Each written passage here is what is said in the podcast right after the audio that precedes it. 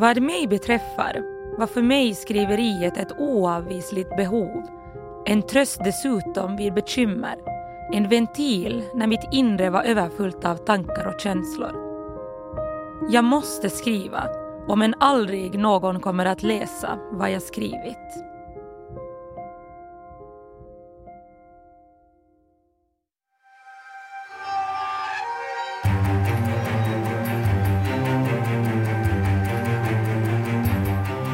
Lyssnar på Hissapodden med Veronica Aspelin och Anna Öhman.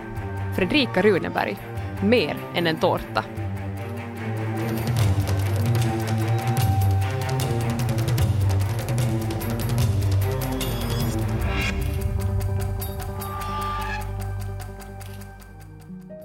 I det här avsnittet får du följa med oss till 1800-talets Finland för att stifta bekantskap med en person som under hela sin livstid tampades med rådande kvinnoideal. En flicka som törstade efter kunskap, en kvinna som levde för att skriva. Men hon, liksom andra kvinnor av sin tid, tilldelades en helt annan roll. Att sy och agera husfru, det var hennes lott. Idag är hon för många känd som kreatören bakom Runebergstårtan en historia som dessutom visat sig vara en sanning med modifikation. Men Fredrika Runeberg var inte alls bara nationalskalden Johan Ludvig Runebergs fru.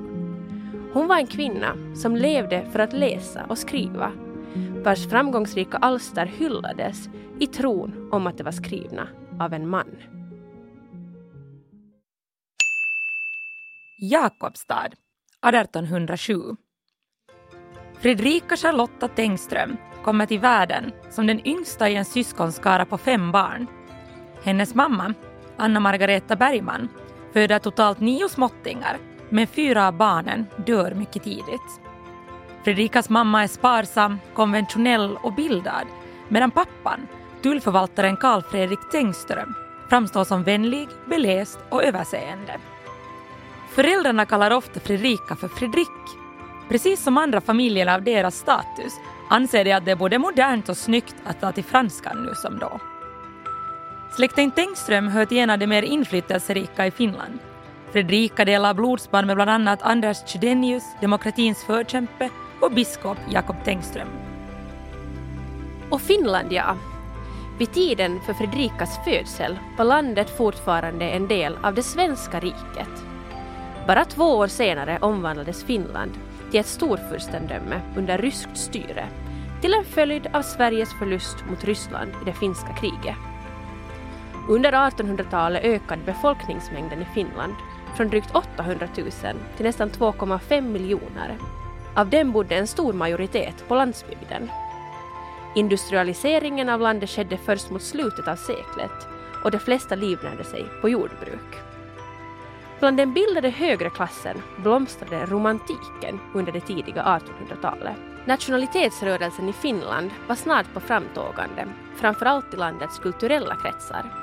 Flera av de mest framstående männen inom de nationalromantiska sällskapen kom senare att bli Fredrika Runebergs umgänge.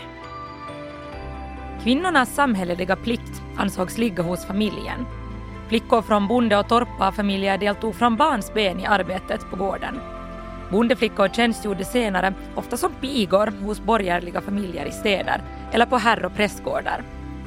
Det här var en central utbildningsväg för flickorna på landet.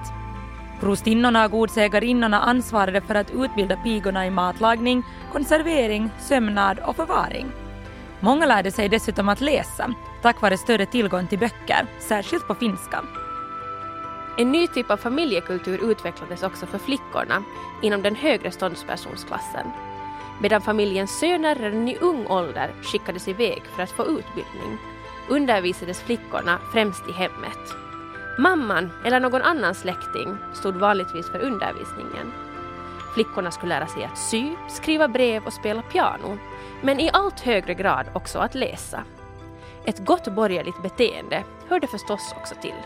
Men nu tillbaka till Jakobstad och familjen Tengström eller ja, åren i Österbotten blev faktiskt mycket få och den knappt treåriga Fredrika med familj flyttade vidare till den dåtida huvudstaden, Åbo.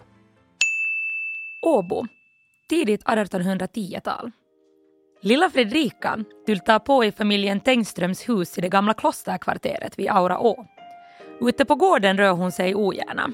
Den är stenig och instängd och påminner om en källare. Hon är dessutom ofta sjuk och för klen för lek. Särskilt många kompisar har hon inte heller i kvarteret. Fredrikas syskon och nära släktingar är märkbart äldre än hon själv.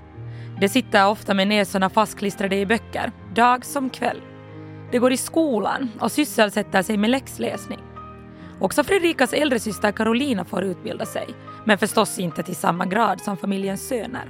Handarbete är viktigt och det åker fram med jämna mellanrum.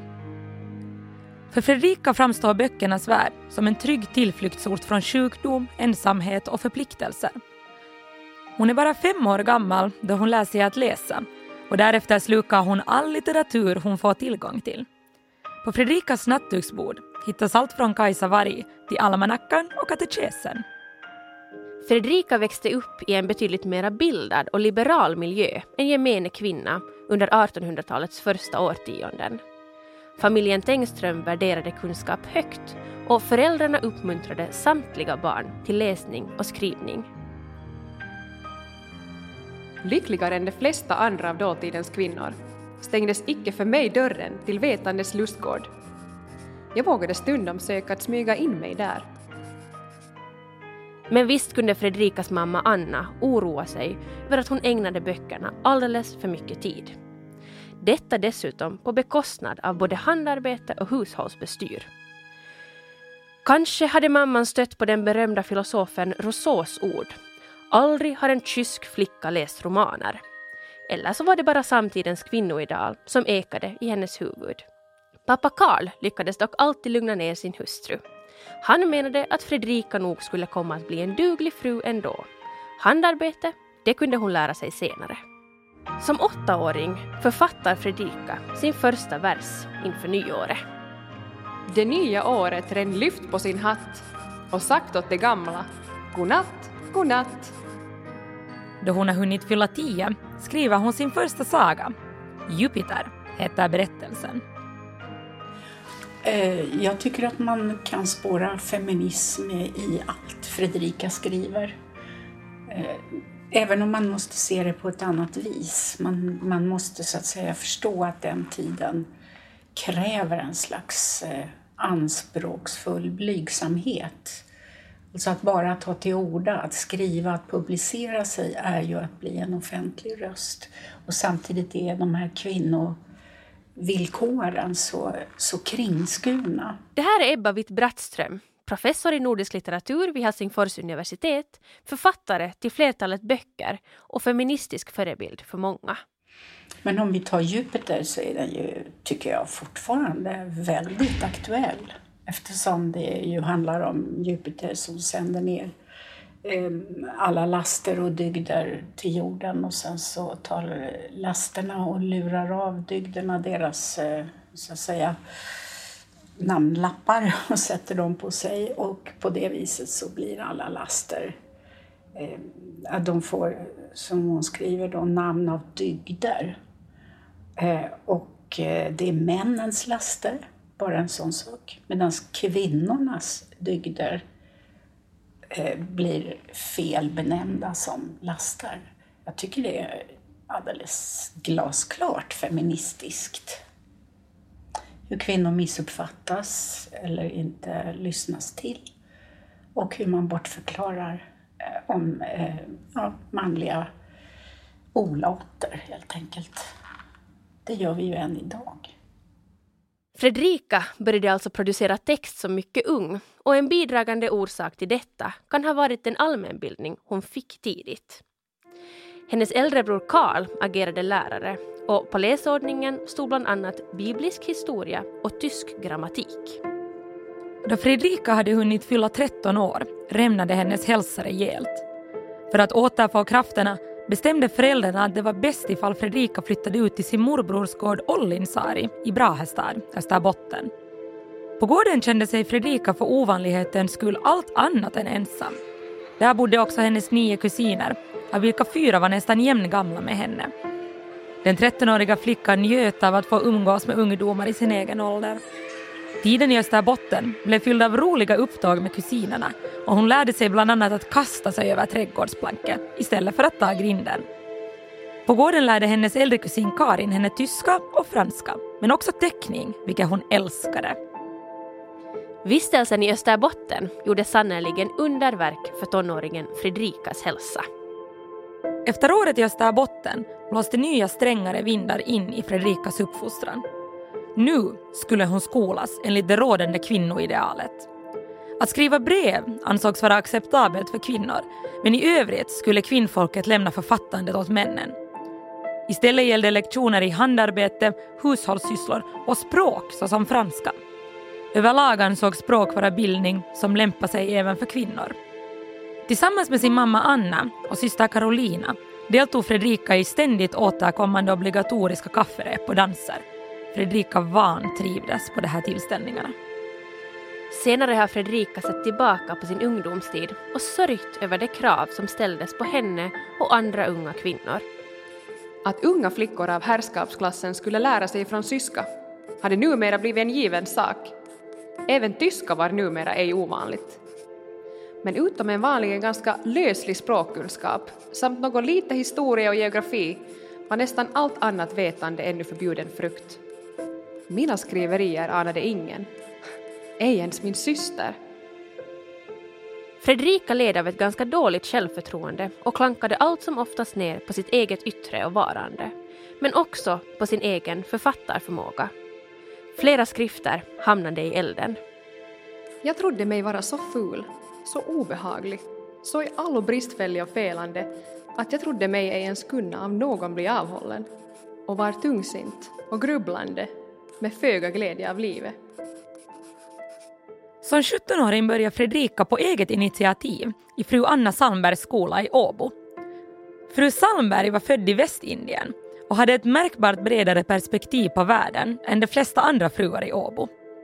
Fru Salmberg blev Fredrikas räddning ur den tillvaro hon vantrivdes i. Lärarinnan blev hennes undervisare i bland annat engelska, men också ett slags förebild och mentor. Tack vare fru Salmberg fick Fredrika ett starkare självförtroende och i henne fann hon också en vän för livet. Hennes pappa dog innan hon hade hunnit fylla 20 och några år senare blev familjen Tengström hemlös förorsakat av den brand som ödelade nästan hela Åbo. Fredrika lyckades rädda det fåtal böcker hon ägde ur lågorna. Med sina papper och skrivelser förlorade hon i branden.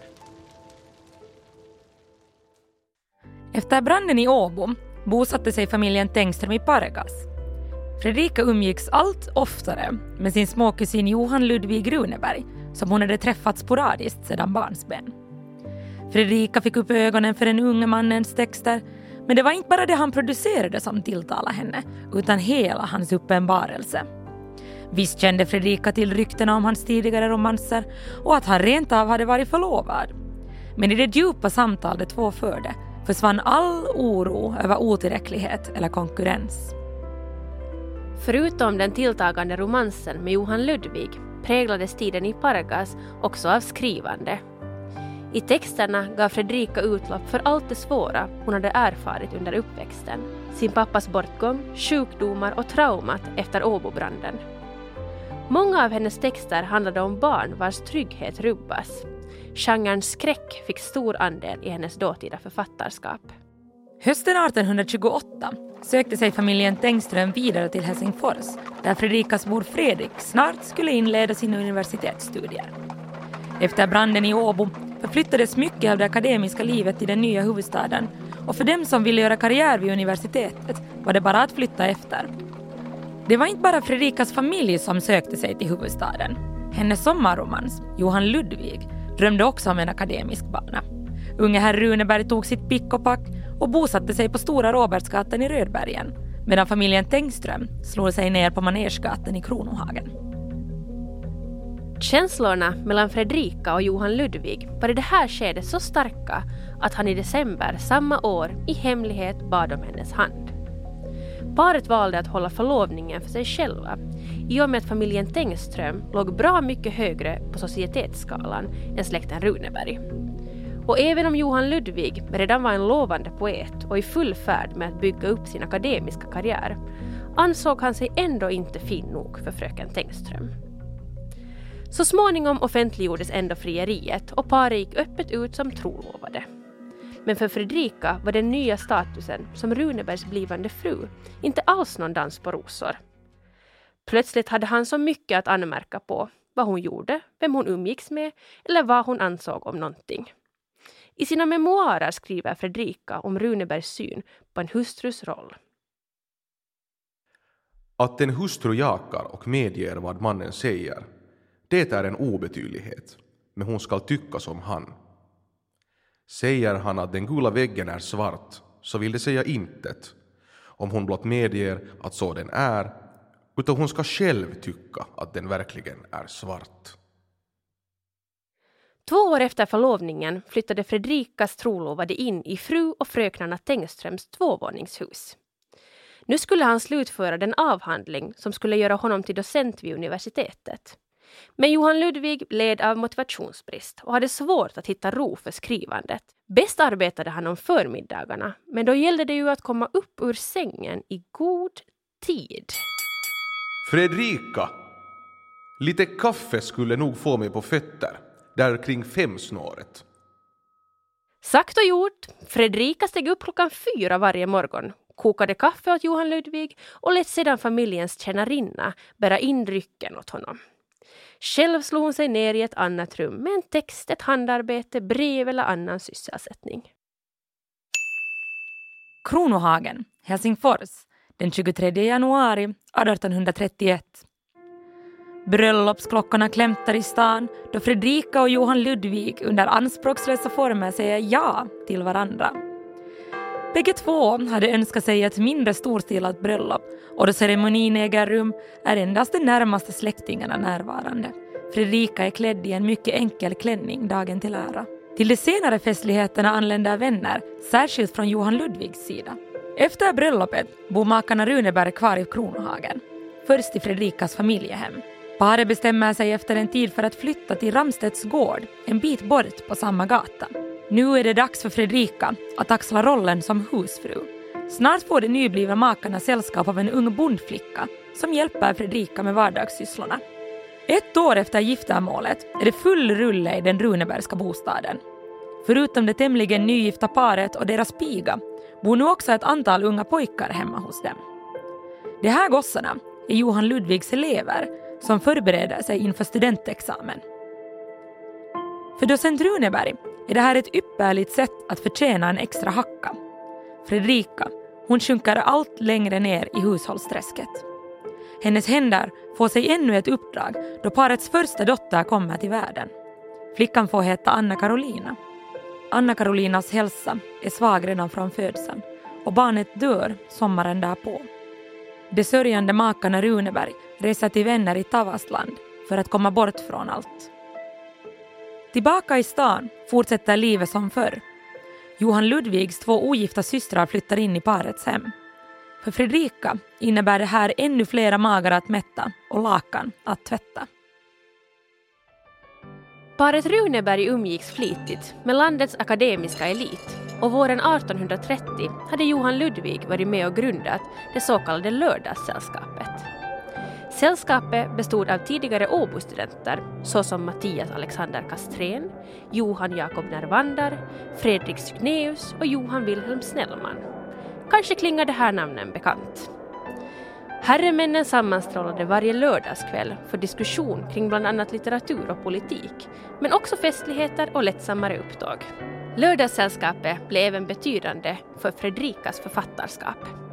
Fredrika utvecklade en relation till de här inflytelserika männen som tids nog skulle bli helt avgörande i Finlands historia. Också bland annat Elias Lönnroth och Johan Ludvigs elev Zacharias Topelius ingick i parets umgängeskrets. År 1831, det vill säga samma år som paret Runeberg gifte sig, började Lördagssällskapet med Johan Ludvig i spetsen ge ut tidningen Helsingfors Morgonblad. Inledningsvis skötte Fredrikas make nästan allt arbete kring magasinet men i samband med att hans akademiska uppdrag blev fler behövde han också mera redaktionell assistans. Fredrika blev lösningen.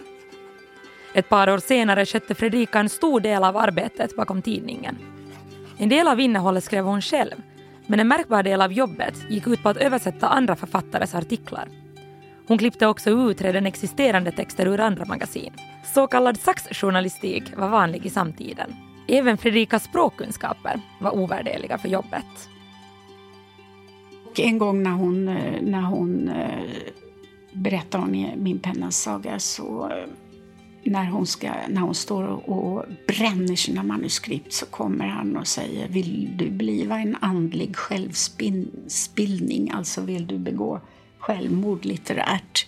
Och stoppar henne. Så eh, det vet vi inte heller om det är sant, men en uppskattning fanns det ju från hans sida inför hennes skrivande så länge det inte konkurrerade med hans och så länge det inte konkurrerade med hennes uppgifter som husmor och hustru och så vidare. Att hon skriver romaner och prosaskisser och inte lyrisk eller episk vers som han, det beror ju på att det är framtidslitteraturen. Och det beror också på att kvinnorna, de skrivande kvinnorna i tiden, de skriver romaner, eh, inte versepos. Det är, är en och förblir en manlig genre. Utan det är romanen som kan eh, gestalta, och särskilt kvinnoromanen som är en väldigt stor och stark genre Eh, i Europa. Den har, eh, den, den, har den här möjligheten att ta kvinnors lidande och kvinnors villkor på allvar. Så eh, där hade hon många föregångare och många kollegor som också skrev i den genren, i romangenren.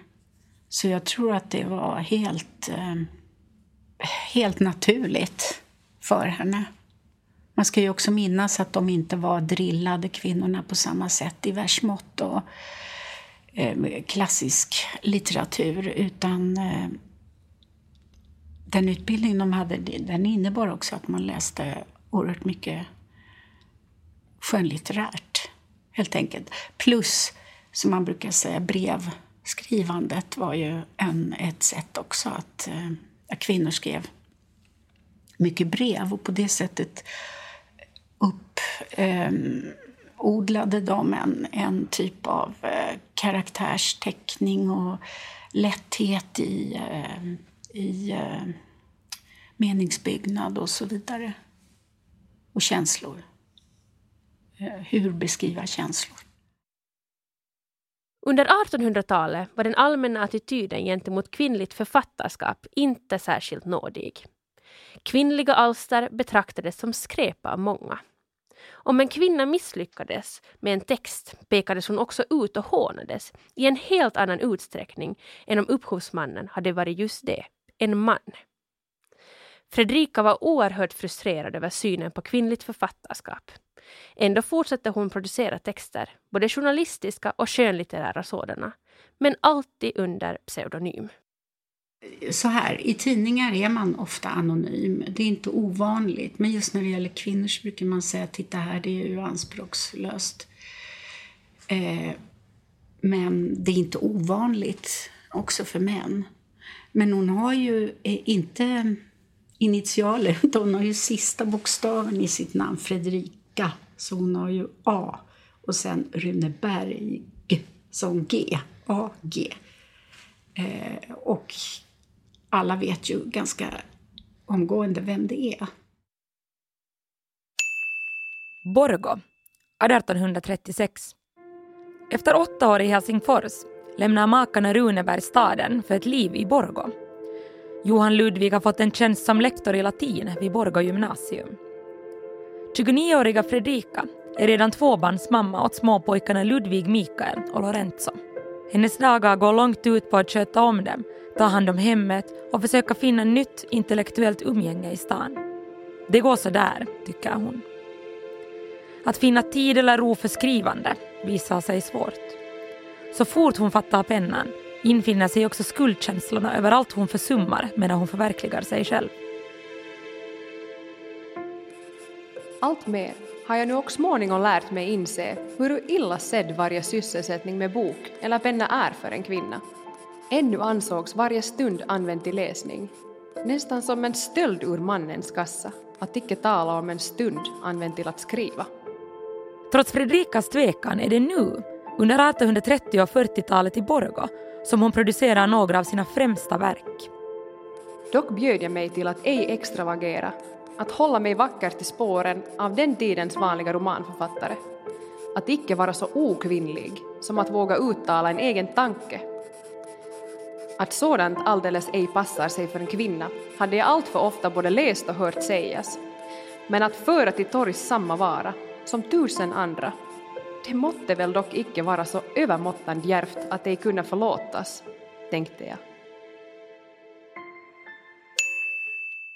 Borgå, 1830 och 40-tal. Det är inte bara Fredrikas författarskap som blomstrar under de första åren i Borgå. Också Johan Ludvigs penna glöder. För Fredrika betyder det här åtskilliga timmar av korrekturläsning av makens texter. Johan Ludvigs framgångar resulterar också i många och långa gästabud i familjens bostad på Krämaregatan 8. Fredrika passar upp med kaffe och tilltugg. Vissa gäster stannar flera veckor, till och med månader. Precis som i unga år håller sig Fredrika gärna undan dylika representationstillfällen. Dels behöver hon ro för att ta hand om barnen och hushållet, dels vill hon finna mera tid för skrivandet. Fredrika föreslår därför en lösning om att dela upp familjens bostad i två olika plan. På den övre våningen kan Johan Ludvig umgås med sina gäster medan hon, barnen och tjänstefolket får leva och arbeta ostört en trappa nedanför. Fredrikas make accepterar förslaget och snart utspelas makarnas vardag på skilda våningsplan. Fredrika saknade livet i Helsingfors och suktade efter intellektuell stimulans. För att råda bot på tristessen och samtidigt förverkliga en viktig passion grundade hon under 1840-talet en så kallad fruntimmerförening tillsammans med två andra lektorsfruar. Föreningen var den andra av sitt slag i Finland och syftet med verksamheten var att hjälpa mindre bemedlade kvinnor och barn. Fredrika blev också ordförande för Fattigflickskolan som utbildade stadens underklassflickor. Genom skolan skulle flickorna få allmänbildning men också lära sig lydnad.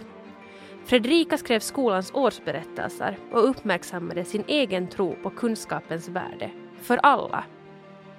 Hon såg ett stort problem i att mindre bemedlade flickor enbart fick gå i skola som mycket små, men att de så fort de blev äldre placerades bakom spisen framom skolbänken. Precis som i frågan kring kvinnligt författarskap var Fredrika frustrerad över synen på flickors intellekt. Hon var övertygad om att kvinnor av naturen inte var sämre än män, men att det ohjälpligt skulle så bli ifall de berövades möjligheten till lika utbildning. Med min brinnande håg efter vetande, hur skulle man icke om jag varit gosse understött min håg? Hur skulle man icke då hava givit mig medel att förärva kunskaper och grundlägga en solid bildning, ett grundligt vetande? Men en flicka, det var en helt annan sak. För henne måste kunskapen förbli en förseglad bok. Ännu helt nyligen yttrades i fråga om skolexamina att sådana vore skadliga för flickor, ehuru nyttiga för gossar, vilka behöver kunna reda på sina kunskaper. Flickor behöver alltså icke behöva kunna ha reda på sina. På en sådan lös grund byggdes ett dåligt författarskap.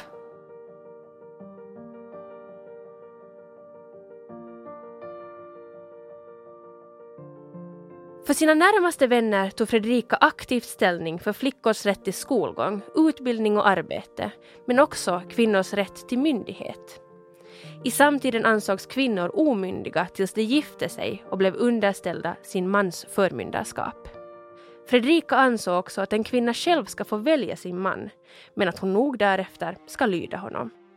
När det gäller Fredrika Rönneberg som eh, feminist eh, så är det väl ändå så att i och med att det är väl, du måste nästan vara mera av en offentlig röst. Du måste kanske ändå säga ganska mycket mer rakt ut.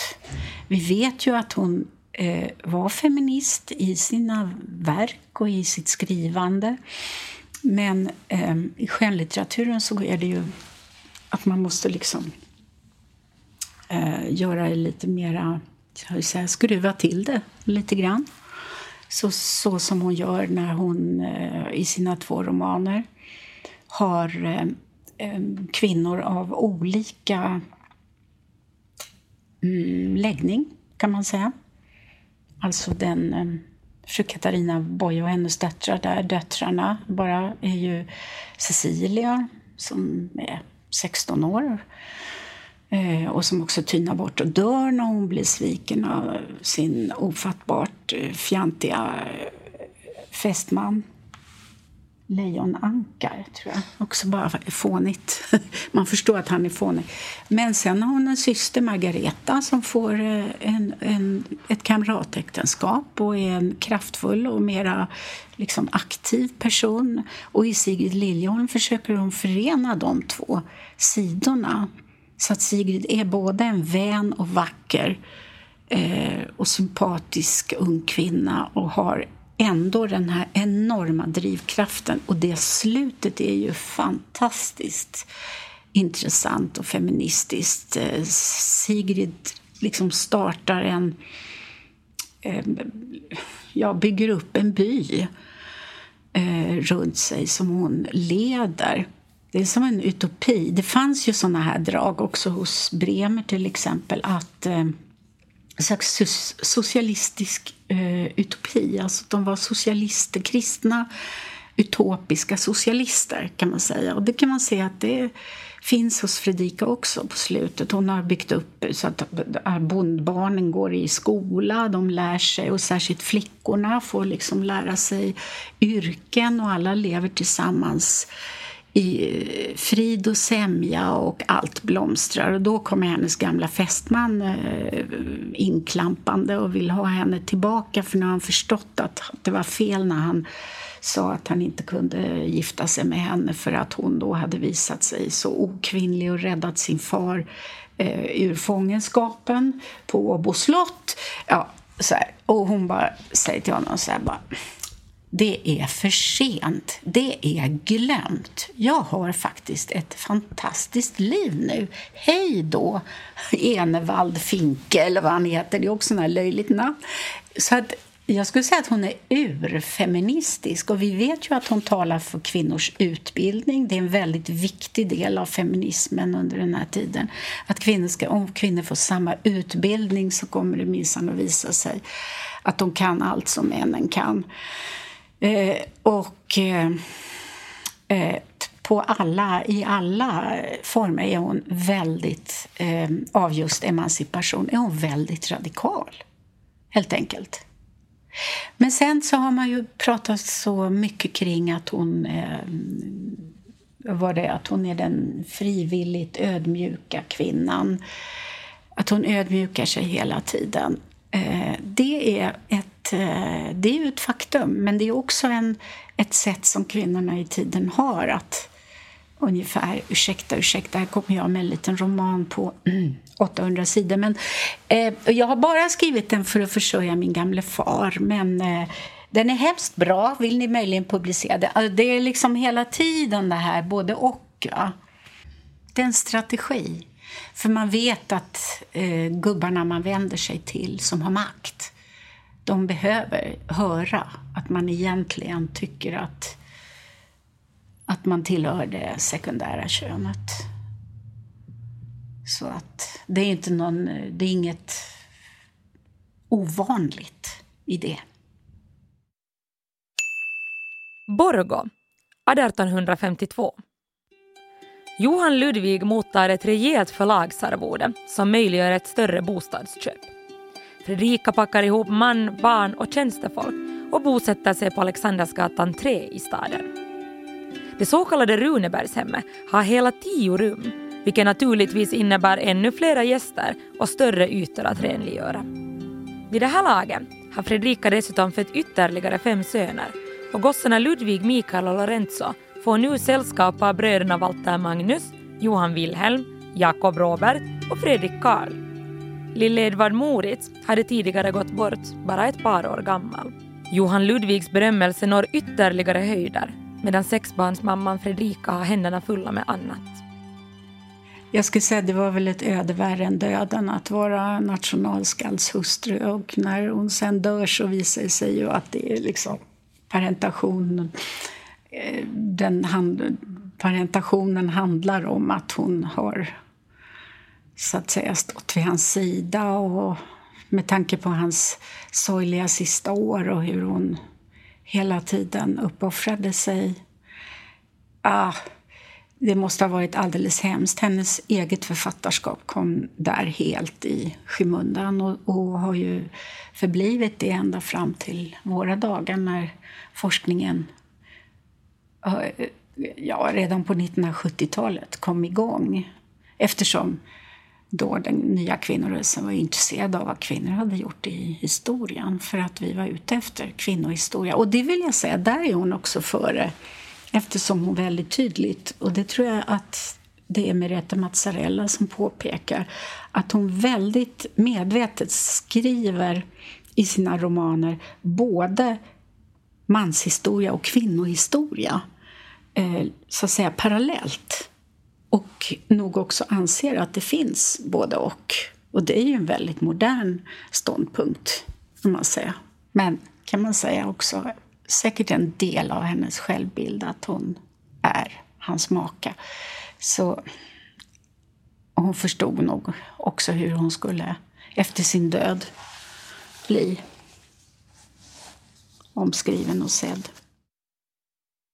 Fredrika led inte enbart av rollen som mamma, husfru och kändismaka utan också av nedsatt hörsel och återkommande sjukdomsfall. I brev och senare memoarer skriver hon om återkommande migrän, frossa och streptokocksinfektioner. På äldre dagar plågades hon också av en mycket dålig syn. Det finns teorier om att Fredrikas återkommande sjukdomar skulle vara ett resultat av olycka. Kanske var sorgen över att aldrig få förverkliga sig själv så stor att hon bara behövde dra täcke över huvudet och ta en paus från verkligheten. Fredrikas och Johan Ludvigs äktenskap var inte heller alltid fläckfritt. Fredrika var väl medveten om att han svärmade kring andra kvinnor, men hur djupa de relationerna verkligen var väljer vi att inte spekulera vidare kring. Ja, det går ju att göra biografiska läsningar men, eh, där man kan se att eh, perioder när eh, Johan Ludvig eh, har eh, förälskat sig i andra är väldigt svåra för Fredrika naturligt nog. Och att hon då kan liksom hantera det och få utlopp också för alla förbjudna känslor som vrede och ångest och raseri och kanske också hämndlystnad eh, i sitt skrivande. Simrit är ju en sån novell, skulle vi säga då, som, som hanterar det.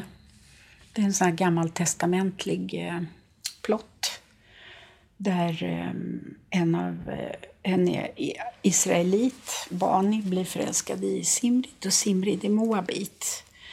Men hon väljer att följa Bani och eh, överge sin... Eh, hon är också eh, välbärgad så hon satsar halva sin förmögenhet på, på så att säga, den, eh, hon konverterar på den judiska eh, helgedomen. Hon eh, gör allt och vill vara med sin Bani. Han ska vara hennes herre och hen, hans herre ska vara hennes herre. Alltså Gud då, den jud, Jahve, den judiska guden. Men sen så eh, Eh, kommer ett sånt där påbud att nu ska alla som är gifta med utländska kvinnor eh, förskjuta sina hustrur. Och barnen vill inte göra det och han erbjuder sig att följa med henne men hon säger att han ska stanna och han ska gifta om sig. Eh, och hon ska minsann klara det. Bara hon får lite pengar så ska hon bosätta sig vid gränsen och, och uppfostra deras son. De har en son. Och så, så att här har vi så att säga, det kvinnliga hjältemodet och så sett, när hon ska iväg och sitter på kamelen så faller hon avsvimmad till marken. Det här är ju nästan som en sån här eh, hämndfantasi eh, som barn kan ha. Att minsann när jag är död så kommer alla att tänka vad fin hon var. Så, det som händer där är att det är någon profet som kommer förbi och frågar vad är det här och vad är det som har hänt. Och då är det väl så att Simrits gamla amma kliver fram och säger jag har uppfostrat henne i den rätta tron sedan hon var barn och alla älskar henne och hon gör bara rätta saker. Och nu tänker de, nu tänker de liksom kasta ut henne och, och så kliver folket fram och säger hon har varit så barmhärtig, vi har fått hjälp av henne och så vidare. Ja. Så då bestämmer han att hon kan få stanna. Så det är väl, kan man säga, trohet, hustruns trohet. Titta här allt jag har gjort. Ehm, och ändå ska jag kastas ut. Ehm, en sån känsla, kanske. Ehm, man, kan också, man kan också reflektera över den här gamla amman som är... Det är ofta de här gamla kvinnorna och folket som hos Fredrika får säga sanningar och vara både arga och oerhört i tidens sätt att tänka okvinnliga. Så det finns ju en sån finsk eh, Vappo som säger sanningen i eh, Katarina, fru Katarina Boye. Eh, det finns en gammal mor, Annika, som också är en sån där eh, trollkvinna i eh, Sigrid Liljeholm. Så på det här sättet får man ju också fram olika röster. Det är ju det som romanen kan göra. Och Fredrika jobbar bra med det, tycker jag. Sen finns det den här Salik Sardars macka. Där finns ju ett svartsjukemotiv och den är ju dyster. Eh, Al-Heidi som är shejkmakan där. Hon upplever att hennes make inte längre älskar henne. Han, kastar, han, han har bedårats av en ljushårig kvinna. Och så han kastar ut henne i... Eh, eller han skickar ut henne i vildmarken eh, för att hitta någon ört, tror jag. Och eh, fast man hör en tiger som romar, höll jag på att säga. Vad heter det? Vad gör de tigrar? Ja, nåja. Men den här tigern eh, ger sig mycket riktigt på henne. Hon har en liten, liten dolk. Hon lyckas döda tigern men blir själv sårad. Och då rider han förbi där och bara undrar vad är det här nu då? Ja, vad bra att du lyckades döda tigern och jag, jag, jag rider hem före. Du får komma när du vill komma, väldigt känslokallt. Och hon eh, dödar sig själv med kniven. Och det är naturligtvis en jättesvår svartsjuke-känsla som hon hanterar där. Att är jag nu inget mer värd?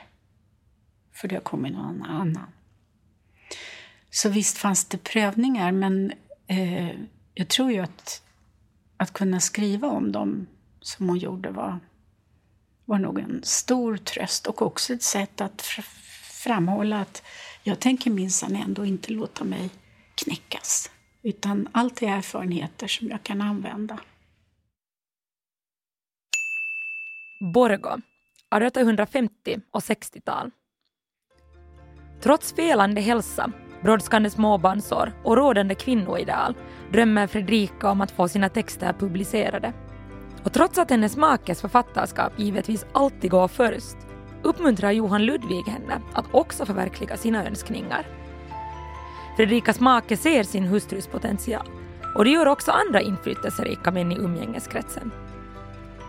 Författaren Johan Wilhelm Snellman tar sig en titt på Fredrikas berättelser och berömmer henne stort för det hon skrivit. Snellman frågar Fredrika om han möjligen kunde få publicera texterna under namnet Teckningar och drömmar i Litteraturbladet. Lovordet bland läsarna är många. Författaren bakom pseudonymen A.G. är synnerligen begåvad. 1858 utkommer Fredrikas verk Fru Katarina Boyer och hennes döttrar. Den första upplagan säljer slut så gott som genast. Tre år senare trycks hennes texter Teckningar och drömmar också i bokform. Även nu är mottagandet varmt bland finländarna. Fredrikas make är eld och lågor över hustruns skrivelser. Detta är framtidsroman. Åt detta håll skall romanen komma att gå. Teckning av drömmar är ju spännande eftersom det finns så många olika ingångar där genom att det är så många olika prosastycken. Så eh, ojämnt, men spännande rakt igenom. Och den är ju också exotisk. Det utspelar sig, många av de här utspelar sig ju i, i eh, vad ska man säga, fjärran länder. Eh, så eh, etnografiskt intressant. Eh, man kan ju då våga tanken att hon förlägger en problematik som är den här feministiska eller skillnaden mellan män och kvinnor och deras villkor i främmande länder eller i eh, historiska miljöer. Det blir så att säga lättare än om hon skulle sätta sig och skriva en roman om, om hur eh, kvinnor och män lever där på, säg 1840-talet i Helsingfors eller så. Det är ett sätt att distansera sig men ändå då också känna sig i den här distanseringen fri att bearbeta starka erfarenheter. Fredrikas sagor och berättelser levde ständigt med henne trots att det inte alltid skrevs ner på papper. Mycket är uttänkt vid sömnen, vid vaggan, vid köksspisen och i hast upptecknat en söndag kväll. En afton då Runeberg dröjde ute och husets folk sov, eller andra dylika stunder. En man skriver när han vill och känner sig stämd därför. En kvinna åtminstone den som äger barn och hushåll när hon får och hinner. Glad och tacksam att liksom tillskäla sig en sådan glädje. Sigrid Liljeholm, som är hennes andra roman, blir ganska illa bemött av kritiken och det gjorde nog att hon inte skrev fler romaner. Och det är verkligen oerhört orättvist. Och kan säkert förklaras av att det hade kommit fram en yngre generation av manliga kritiker som eh, nu skulle statuera exempel med henne. Eh, och kanske också sparka till Runeberg, det vet man ju inte. Sånt kan ju finnas. Alltså, sån här far-son-uppror är ganska vanligt i kulturvärlden och har alltid varit det. Men eh, man tycker att den är misslyckad och jag tycker den är ja, helt fantastisk. Jag tycker den är bättre än fru Katarina Boye och hennes döttrar. Mera sammanhållen, mer renodlad. Um, I tidens stil kan man väl i och för sig tycka att det finns en del idealisering kring um, ja, riksmarskalken Claes Fleming till exempel. Hon går in och försöker rentvå honom från hans eh, dåliga rykte som slaktare och så. Men eh, men den börjar helt fantastiskt i eh, så på något sätt greppet där. Den börjar i Nådendals förfallna Birgitta-kloster som ännu står... Det här är ju 1520-tal och reformationen... Eh, nej, vad säger jag? Fem, fem, det är 1590-tal Eh, så reformationen har ju inträffat för flera decennier sedan och det finns bara en nunna kvar i klostret och hon är döende och hennes systerdotter som är Sigrid Liljeholm, en ung flicka, är där för att, eh, för att vara med henne under hennes sista dagar. Och så man får hela den här gamla katolska tron i och förhistorien redan i första kapitlet. Och sen kan man säga att i sista kapitlet där Sigrid har byggt upp sitt eget, inte kloster, utan men ändå på samma sätt som sin gamla moster, den gamla nunnan, är en sån här eh, välgörande ledarfigur som hjälper alla andra, för det gör även den här eh, mostern där i Nådendal, att eh, de sjuka kommer till henne och hon ger dem eh, olika mediciner och råd och så. så. Så på något vis blir det en slags kvinnornas medeltidskultur Eh, och historia som drar igenom hela romanen. Det är jätte... Jag tycker det är magnifikt. Borgå, den 19 december 1863. Precis på dagen, 36 år efter makarna Runebergs förlovning, drabbas Johan Ludvig av ett slaganfall. Han mister både talförmågan och rörligheten på kroppens högra sida. Johan Ludvig gör stundvisa motoriska framsteg, men hans fysik återhämtar sig aldrig efter attacken. Han återfår talförmågan, men rösten är inte lika stark och klar som tidigare. Fredrikas nedsatta hörsel underlättar inte direkt kommunikationen mellan makarna. De får ofta ta någon av sönerna eller hemmets tjänstefolk till hjälp för att förstå varandra. Från och med nu kretsar ännu mer av Fredrikas vardag kring makens behov. Så fort han stiger upp och blivit påklädd om morgnarna inleder hon dagens flera timmar långa högläsningssession. Visst gör hon små avbrott för att förbereda lunchen eller slå på en kanna kaffe, men i övrigt sitter makarna där i var sin länsstol för högläsning. Johan Ludvig ägnar sig åt några timmars dagsvila, vilket innebär ett kort avbrott för Fredrika. Nu skyndar hon sig för att hinna uträtta så mycket hushållsarbete, sömnad eller brevväxling som möjligt innan hennes make förväntar sig mera högläsning runt fyra tiden. Paret sitter sedan så hela kvällen lång. Fredrika har beskrivit de här sjukdomsåren som mycket tunga och ensamma de tidigare nästan överdrivna gästströmmarna hade stannat upp nästan helt och till största delen spenderade de två makarna tid på tu hand. Barnen var utflugna och gjorde karriär på eget håll. Lorenzo, Hannes och Fredrik utbildade sig till läkare. Ludvig var lektor, Walter bildhuggare och Robert maskinbyggare. För Fredrika innebar omställningen betydligt mindre hushållsarbete än tidigare, men hon kände sig fortsättningsvis lika bunden till hemmet i brev till vänner beklagar hon sig över faktumet att all läsning hon nu för tiden gjorde var på Johan Ludvigs beställning. I sina mörka stunder ansåg Fredrika att hennes enda livsuppgift var att leva för maken. Honom kunde hon inte lämna ensam kvar. Också bland den finländska politiska eliten, med bland annat Snellman i spetsen, hyllades hon för sina insatser som den stora skaldens anhörighetsvårdare på ålderns höst.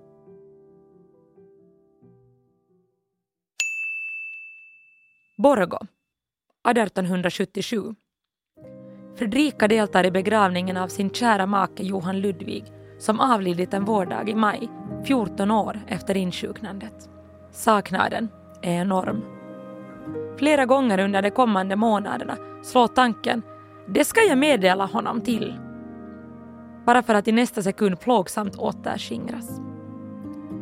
Fredrika börjar reda upp Johan Ludvigs papper något hon är van vid sedan tidigare. Till jul följande år utkommer första delen av Johan Ludvig Runebergs efterlämnade skrifter. Senare ger hon ut en andra del, men också verket Anteckningar om Runeberg för att avfärda elaka rykten och påhittade historier om maken. Sommaren 1878 flyttar Fredrika tillsammans med Johan Ludvigs trotjänarinna Marie från det Runebergska hemmet i Borgom de bosätter sig i en tvårummare med kök på Mariagatan 19 i Kronohagen, Helsingfors. Tillbaka i samma kvarter som hon tillbringat flera år med familj och make känner sig Fredrika vilsen. Det här trots närheten till både barn och barnbarn samt systern Carolina. Det tar inte länge förrän hon blir klen och saknar ork för att besöka sina släktingar. De sista meningarna i Fredrikas memoarer skvallrar om en känsla av befrielse i det egna författarskapet efter att Johan Ludvig hade slutat producera alster redan några år innan sin död. Nu kunde Fredrika skriva utan att behöva vara rädd för att uppfattas som att hon åkte snålskjuts på makens författarskap. Hon var också mycket tydlig med att Johan Ludvig aldrig hade förbättrat hennes texter utan endast rättat till eventuella småfel. Under det senast förflutna året har jag skrivit flera stycken. Därav ett par prosa på anmodan till folkvännen, men mest versifierade. Eget nog är det som att jag numera icke skulle skyggas för att skriva vers, så som under alla de föregående åren sedan Runeberg började vinna anseende. Det föreföll mig som om jag velat söka tränga mig fram jämte honom. Eller hur jag bör beskriva den känsla som avhöll mig. Nu däremot, sedan han på över tolv år icke skrivit, har jag vågat mig på mera versmakeri. Att lusten och åhågan därtill ökats och det stora beröm Runeberg gett mig i mina stycken, dem jag alla efterhand som de blivit skrivna, för honom uppläst, behöver jag ej säga.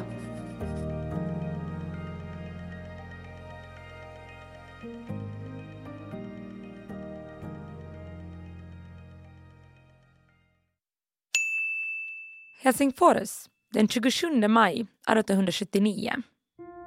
Fredrika Charlotta Runeberg avlider som 71 år gammal.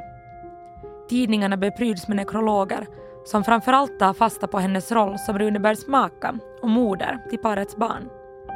Visst nämns hennes författarskap i förbifarten, men mer anmärkningsvärt att skriva om är den omvårdnad hon gett den stora skalden under hans sista år i livet. Även efter hennes död passar en skribent på att i nekrologen skriva hånfullt om hennes skrift Sigrid Liljeholm. Fredrika begravs i samma grav som sin make. Vid Runebergs sida vilar hans maka, Fredrika Charlotta född Tengström, ristas in på baksidan av graven. Fredrika Runeberg har ju eh, under de senaste decennierna tycker jag fått ett uppsving och en annan och rättmätig plats i litteraturhistorien. Men det har gått långsamt eh, och jag vet inte om eh, folk läser henne så våldsamt. Jag tror att när eh, SLS gav ut hennes Min pennas saga och inte gjorde det som tidigare med hennes text Anteckningar om Runeberg så fick den stå för sig själv på ett nytt sätt och visa fram en, eh, alltså ett författarskap. Så jag tror väl på att Fredrika har en framtid som författare. Och jag hoppas att det är fler som ska upptäcka det. Nåväl. Må min pennas saga ha varit en dröm. En och annan stund av bitterhet har den gett mig. Mångfalt mer dock av tröst och verklig glädje.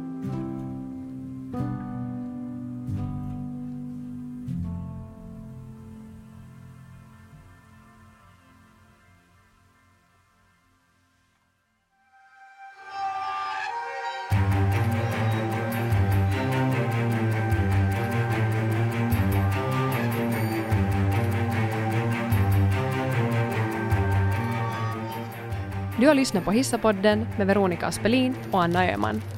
Inspelad av Tobias Jansson och producerad av Freja Lindeman.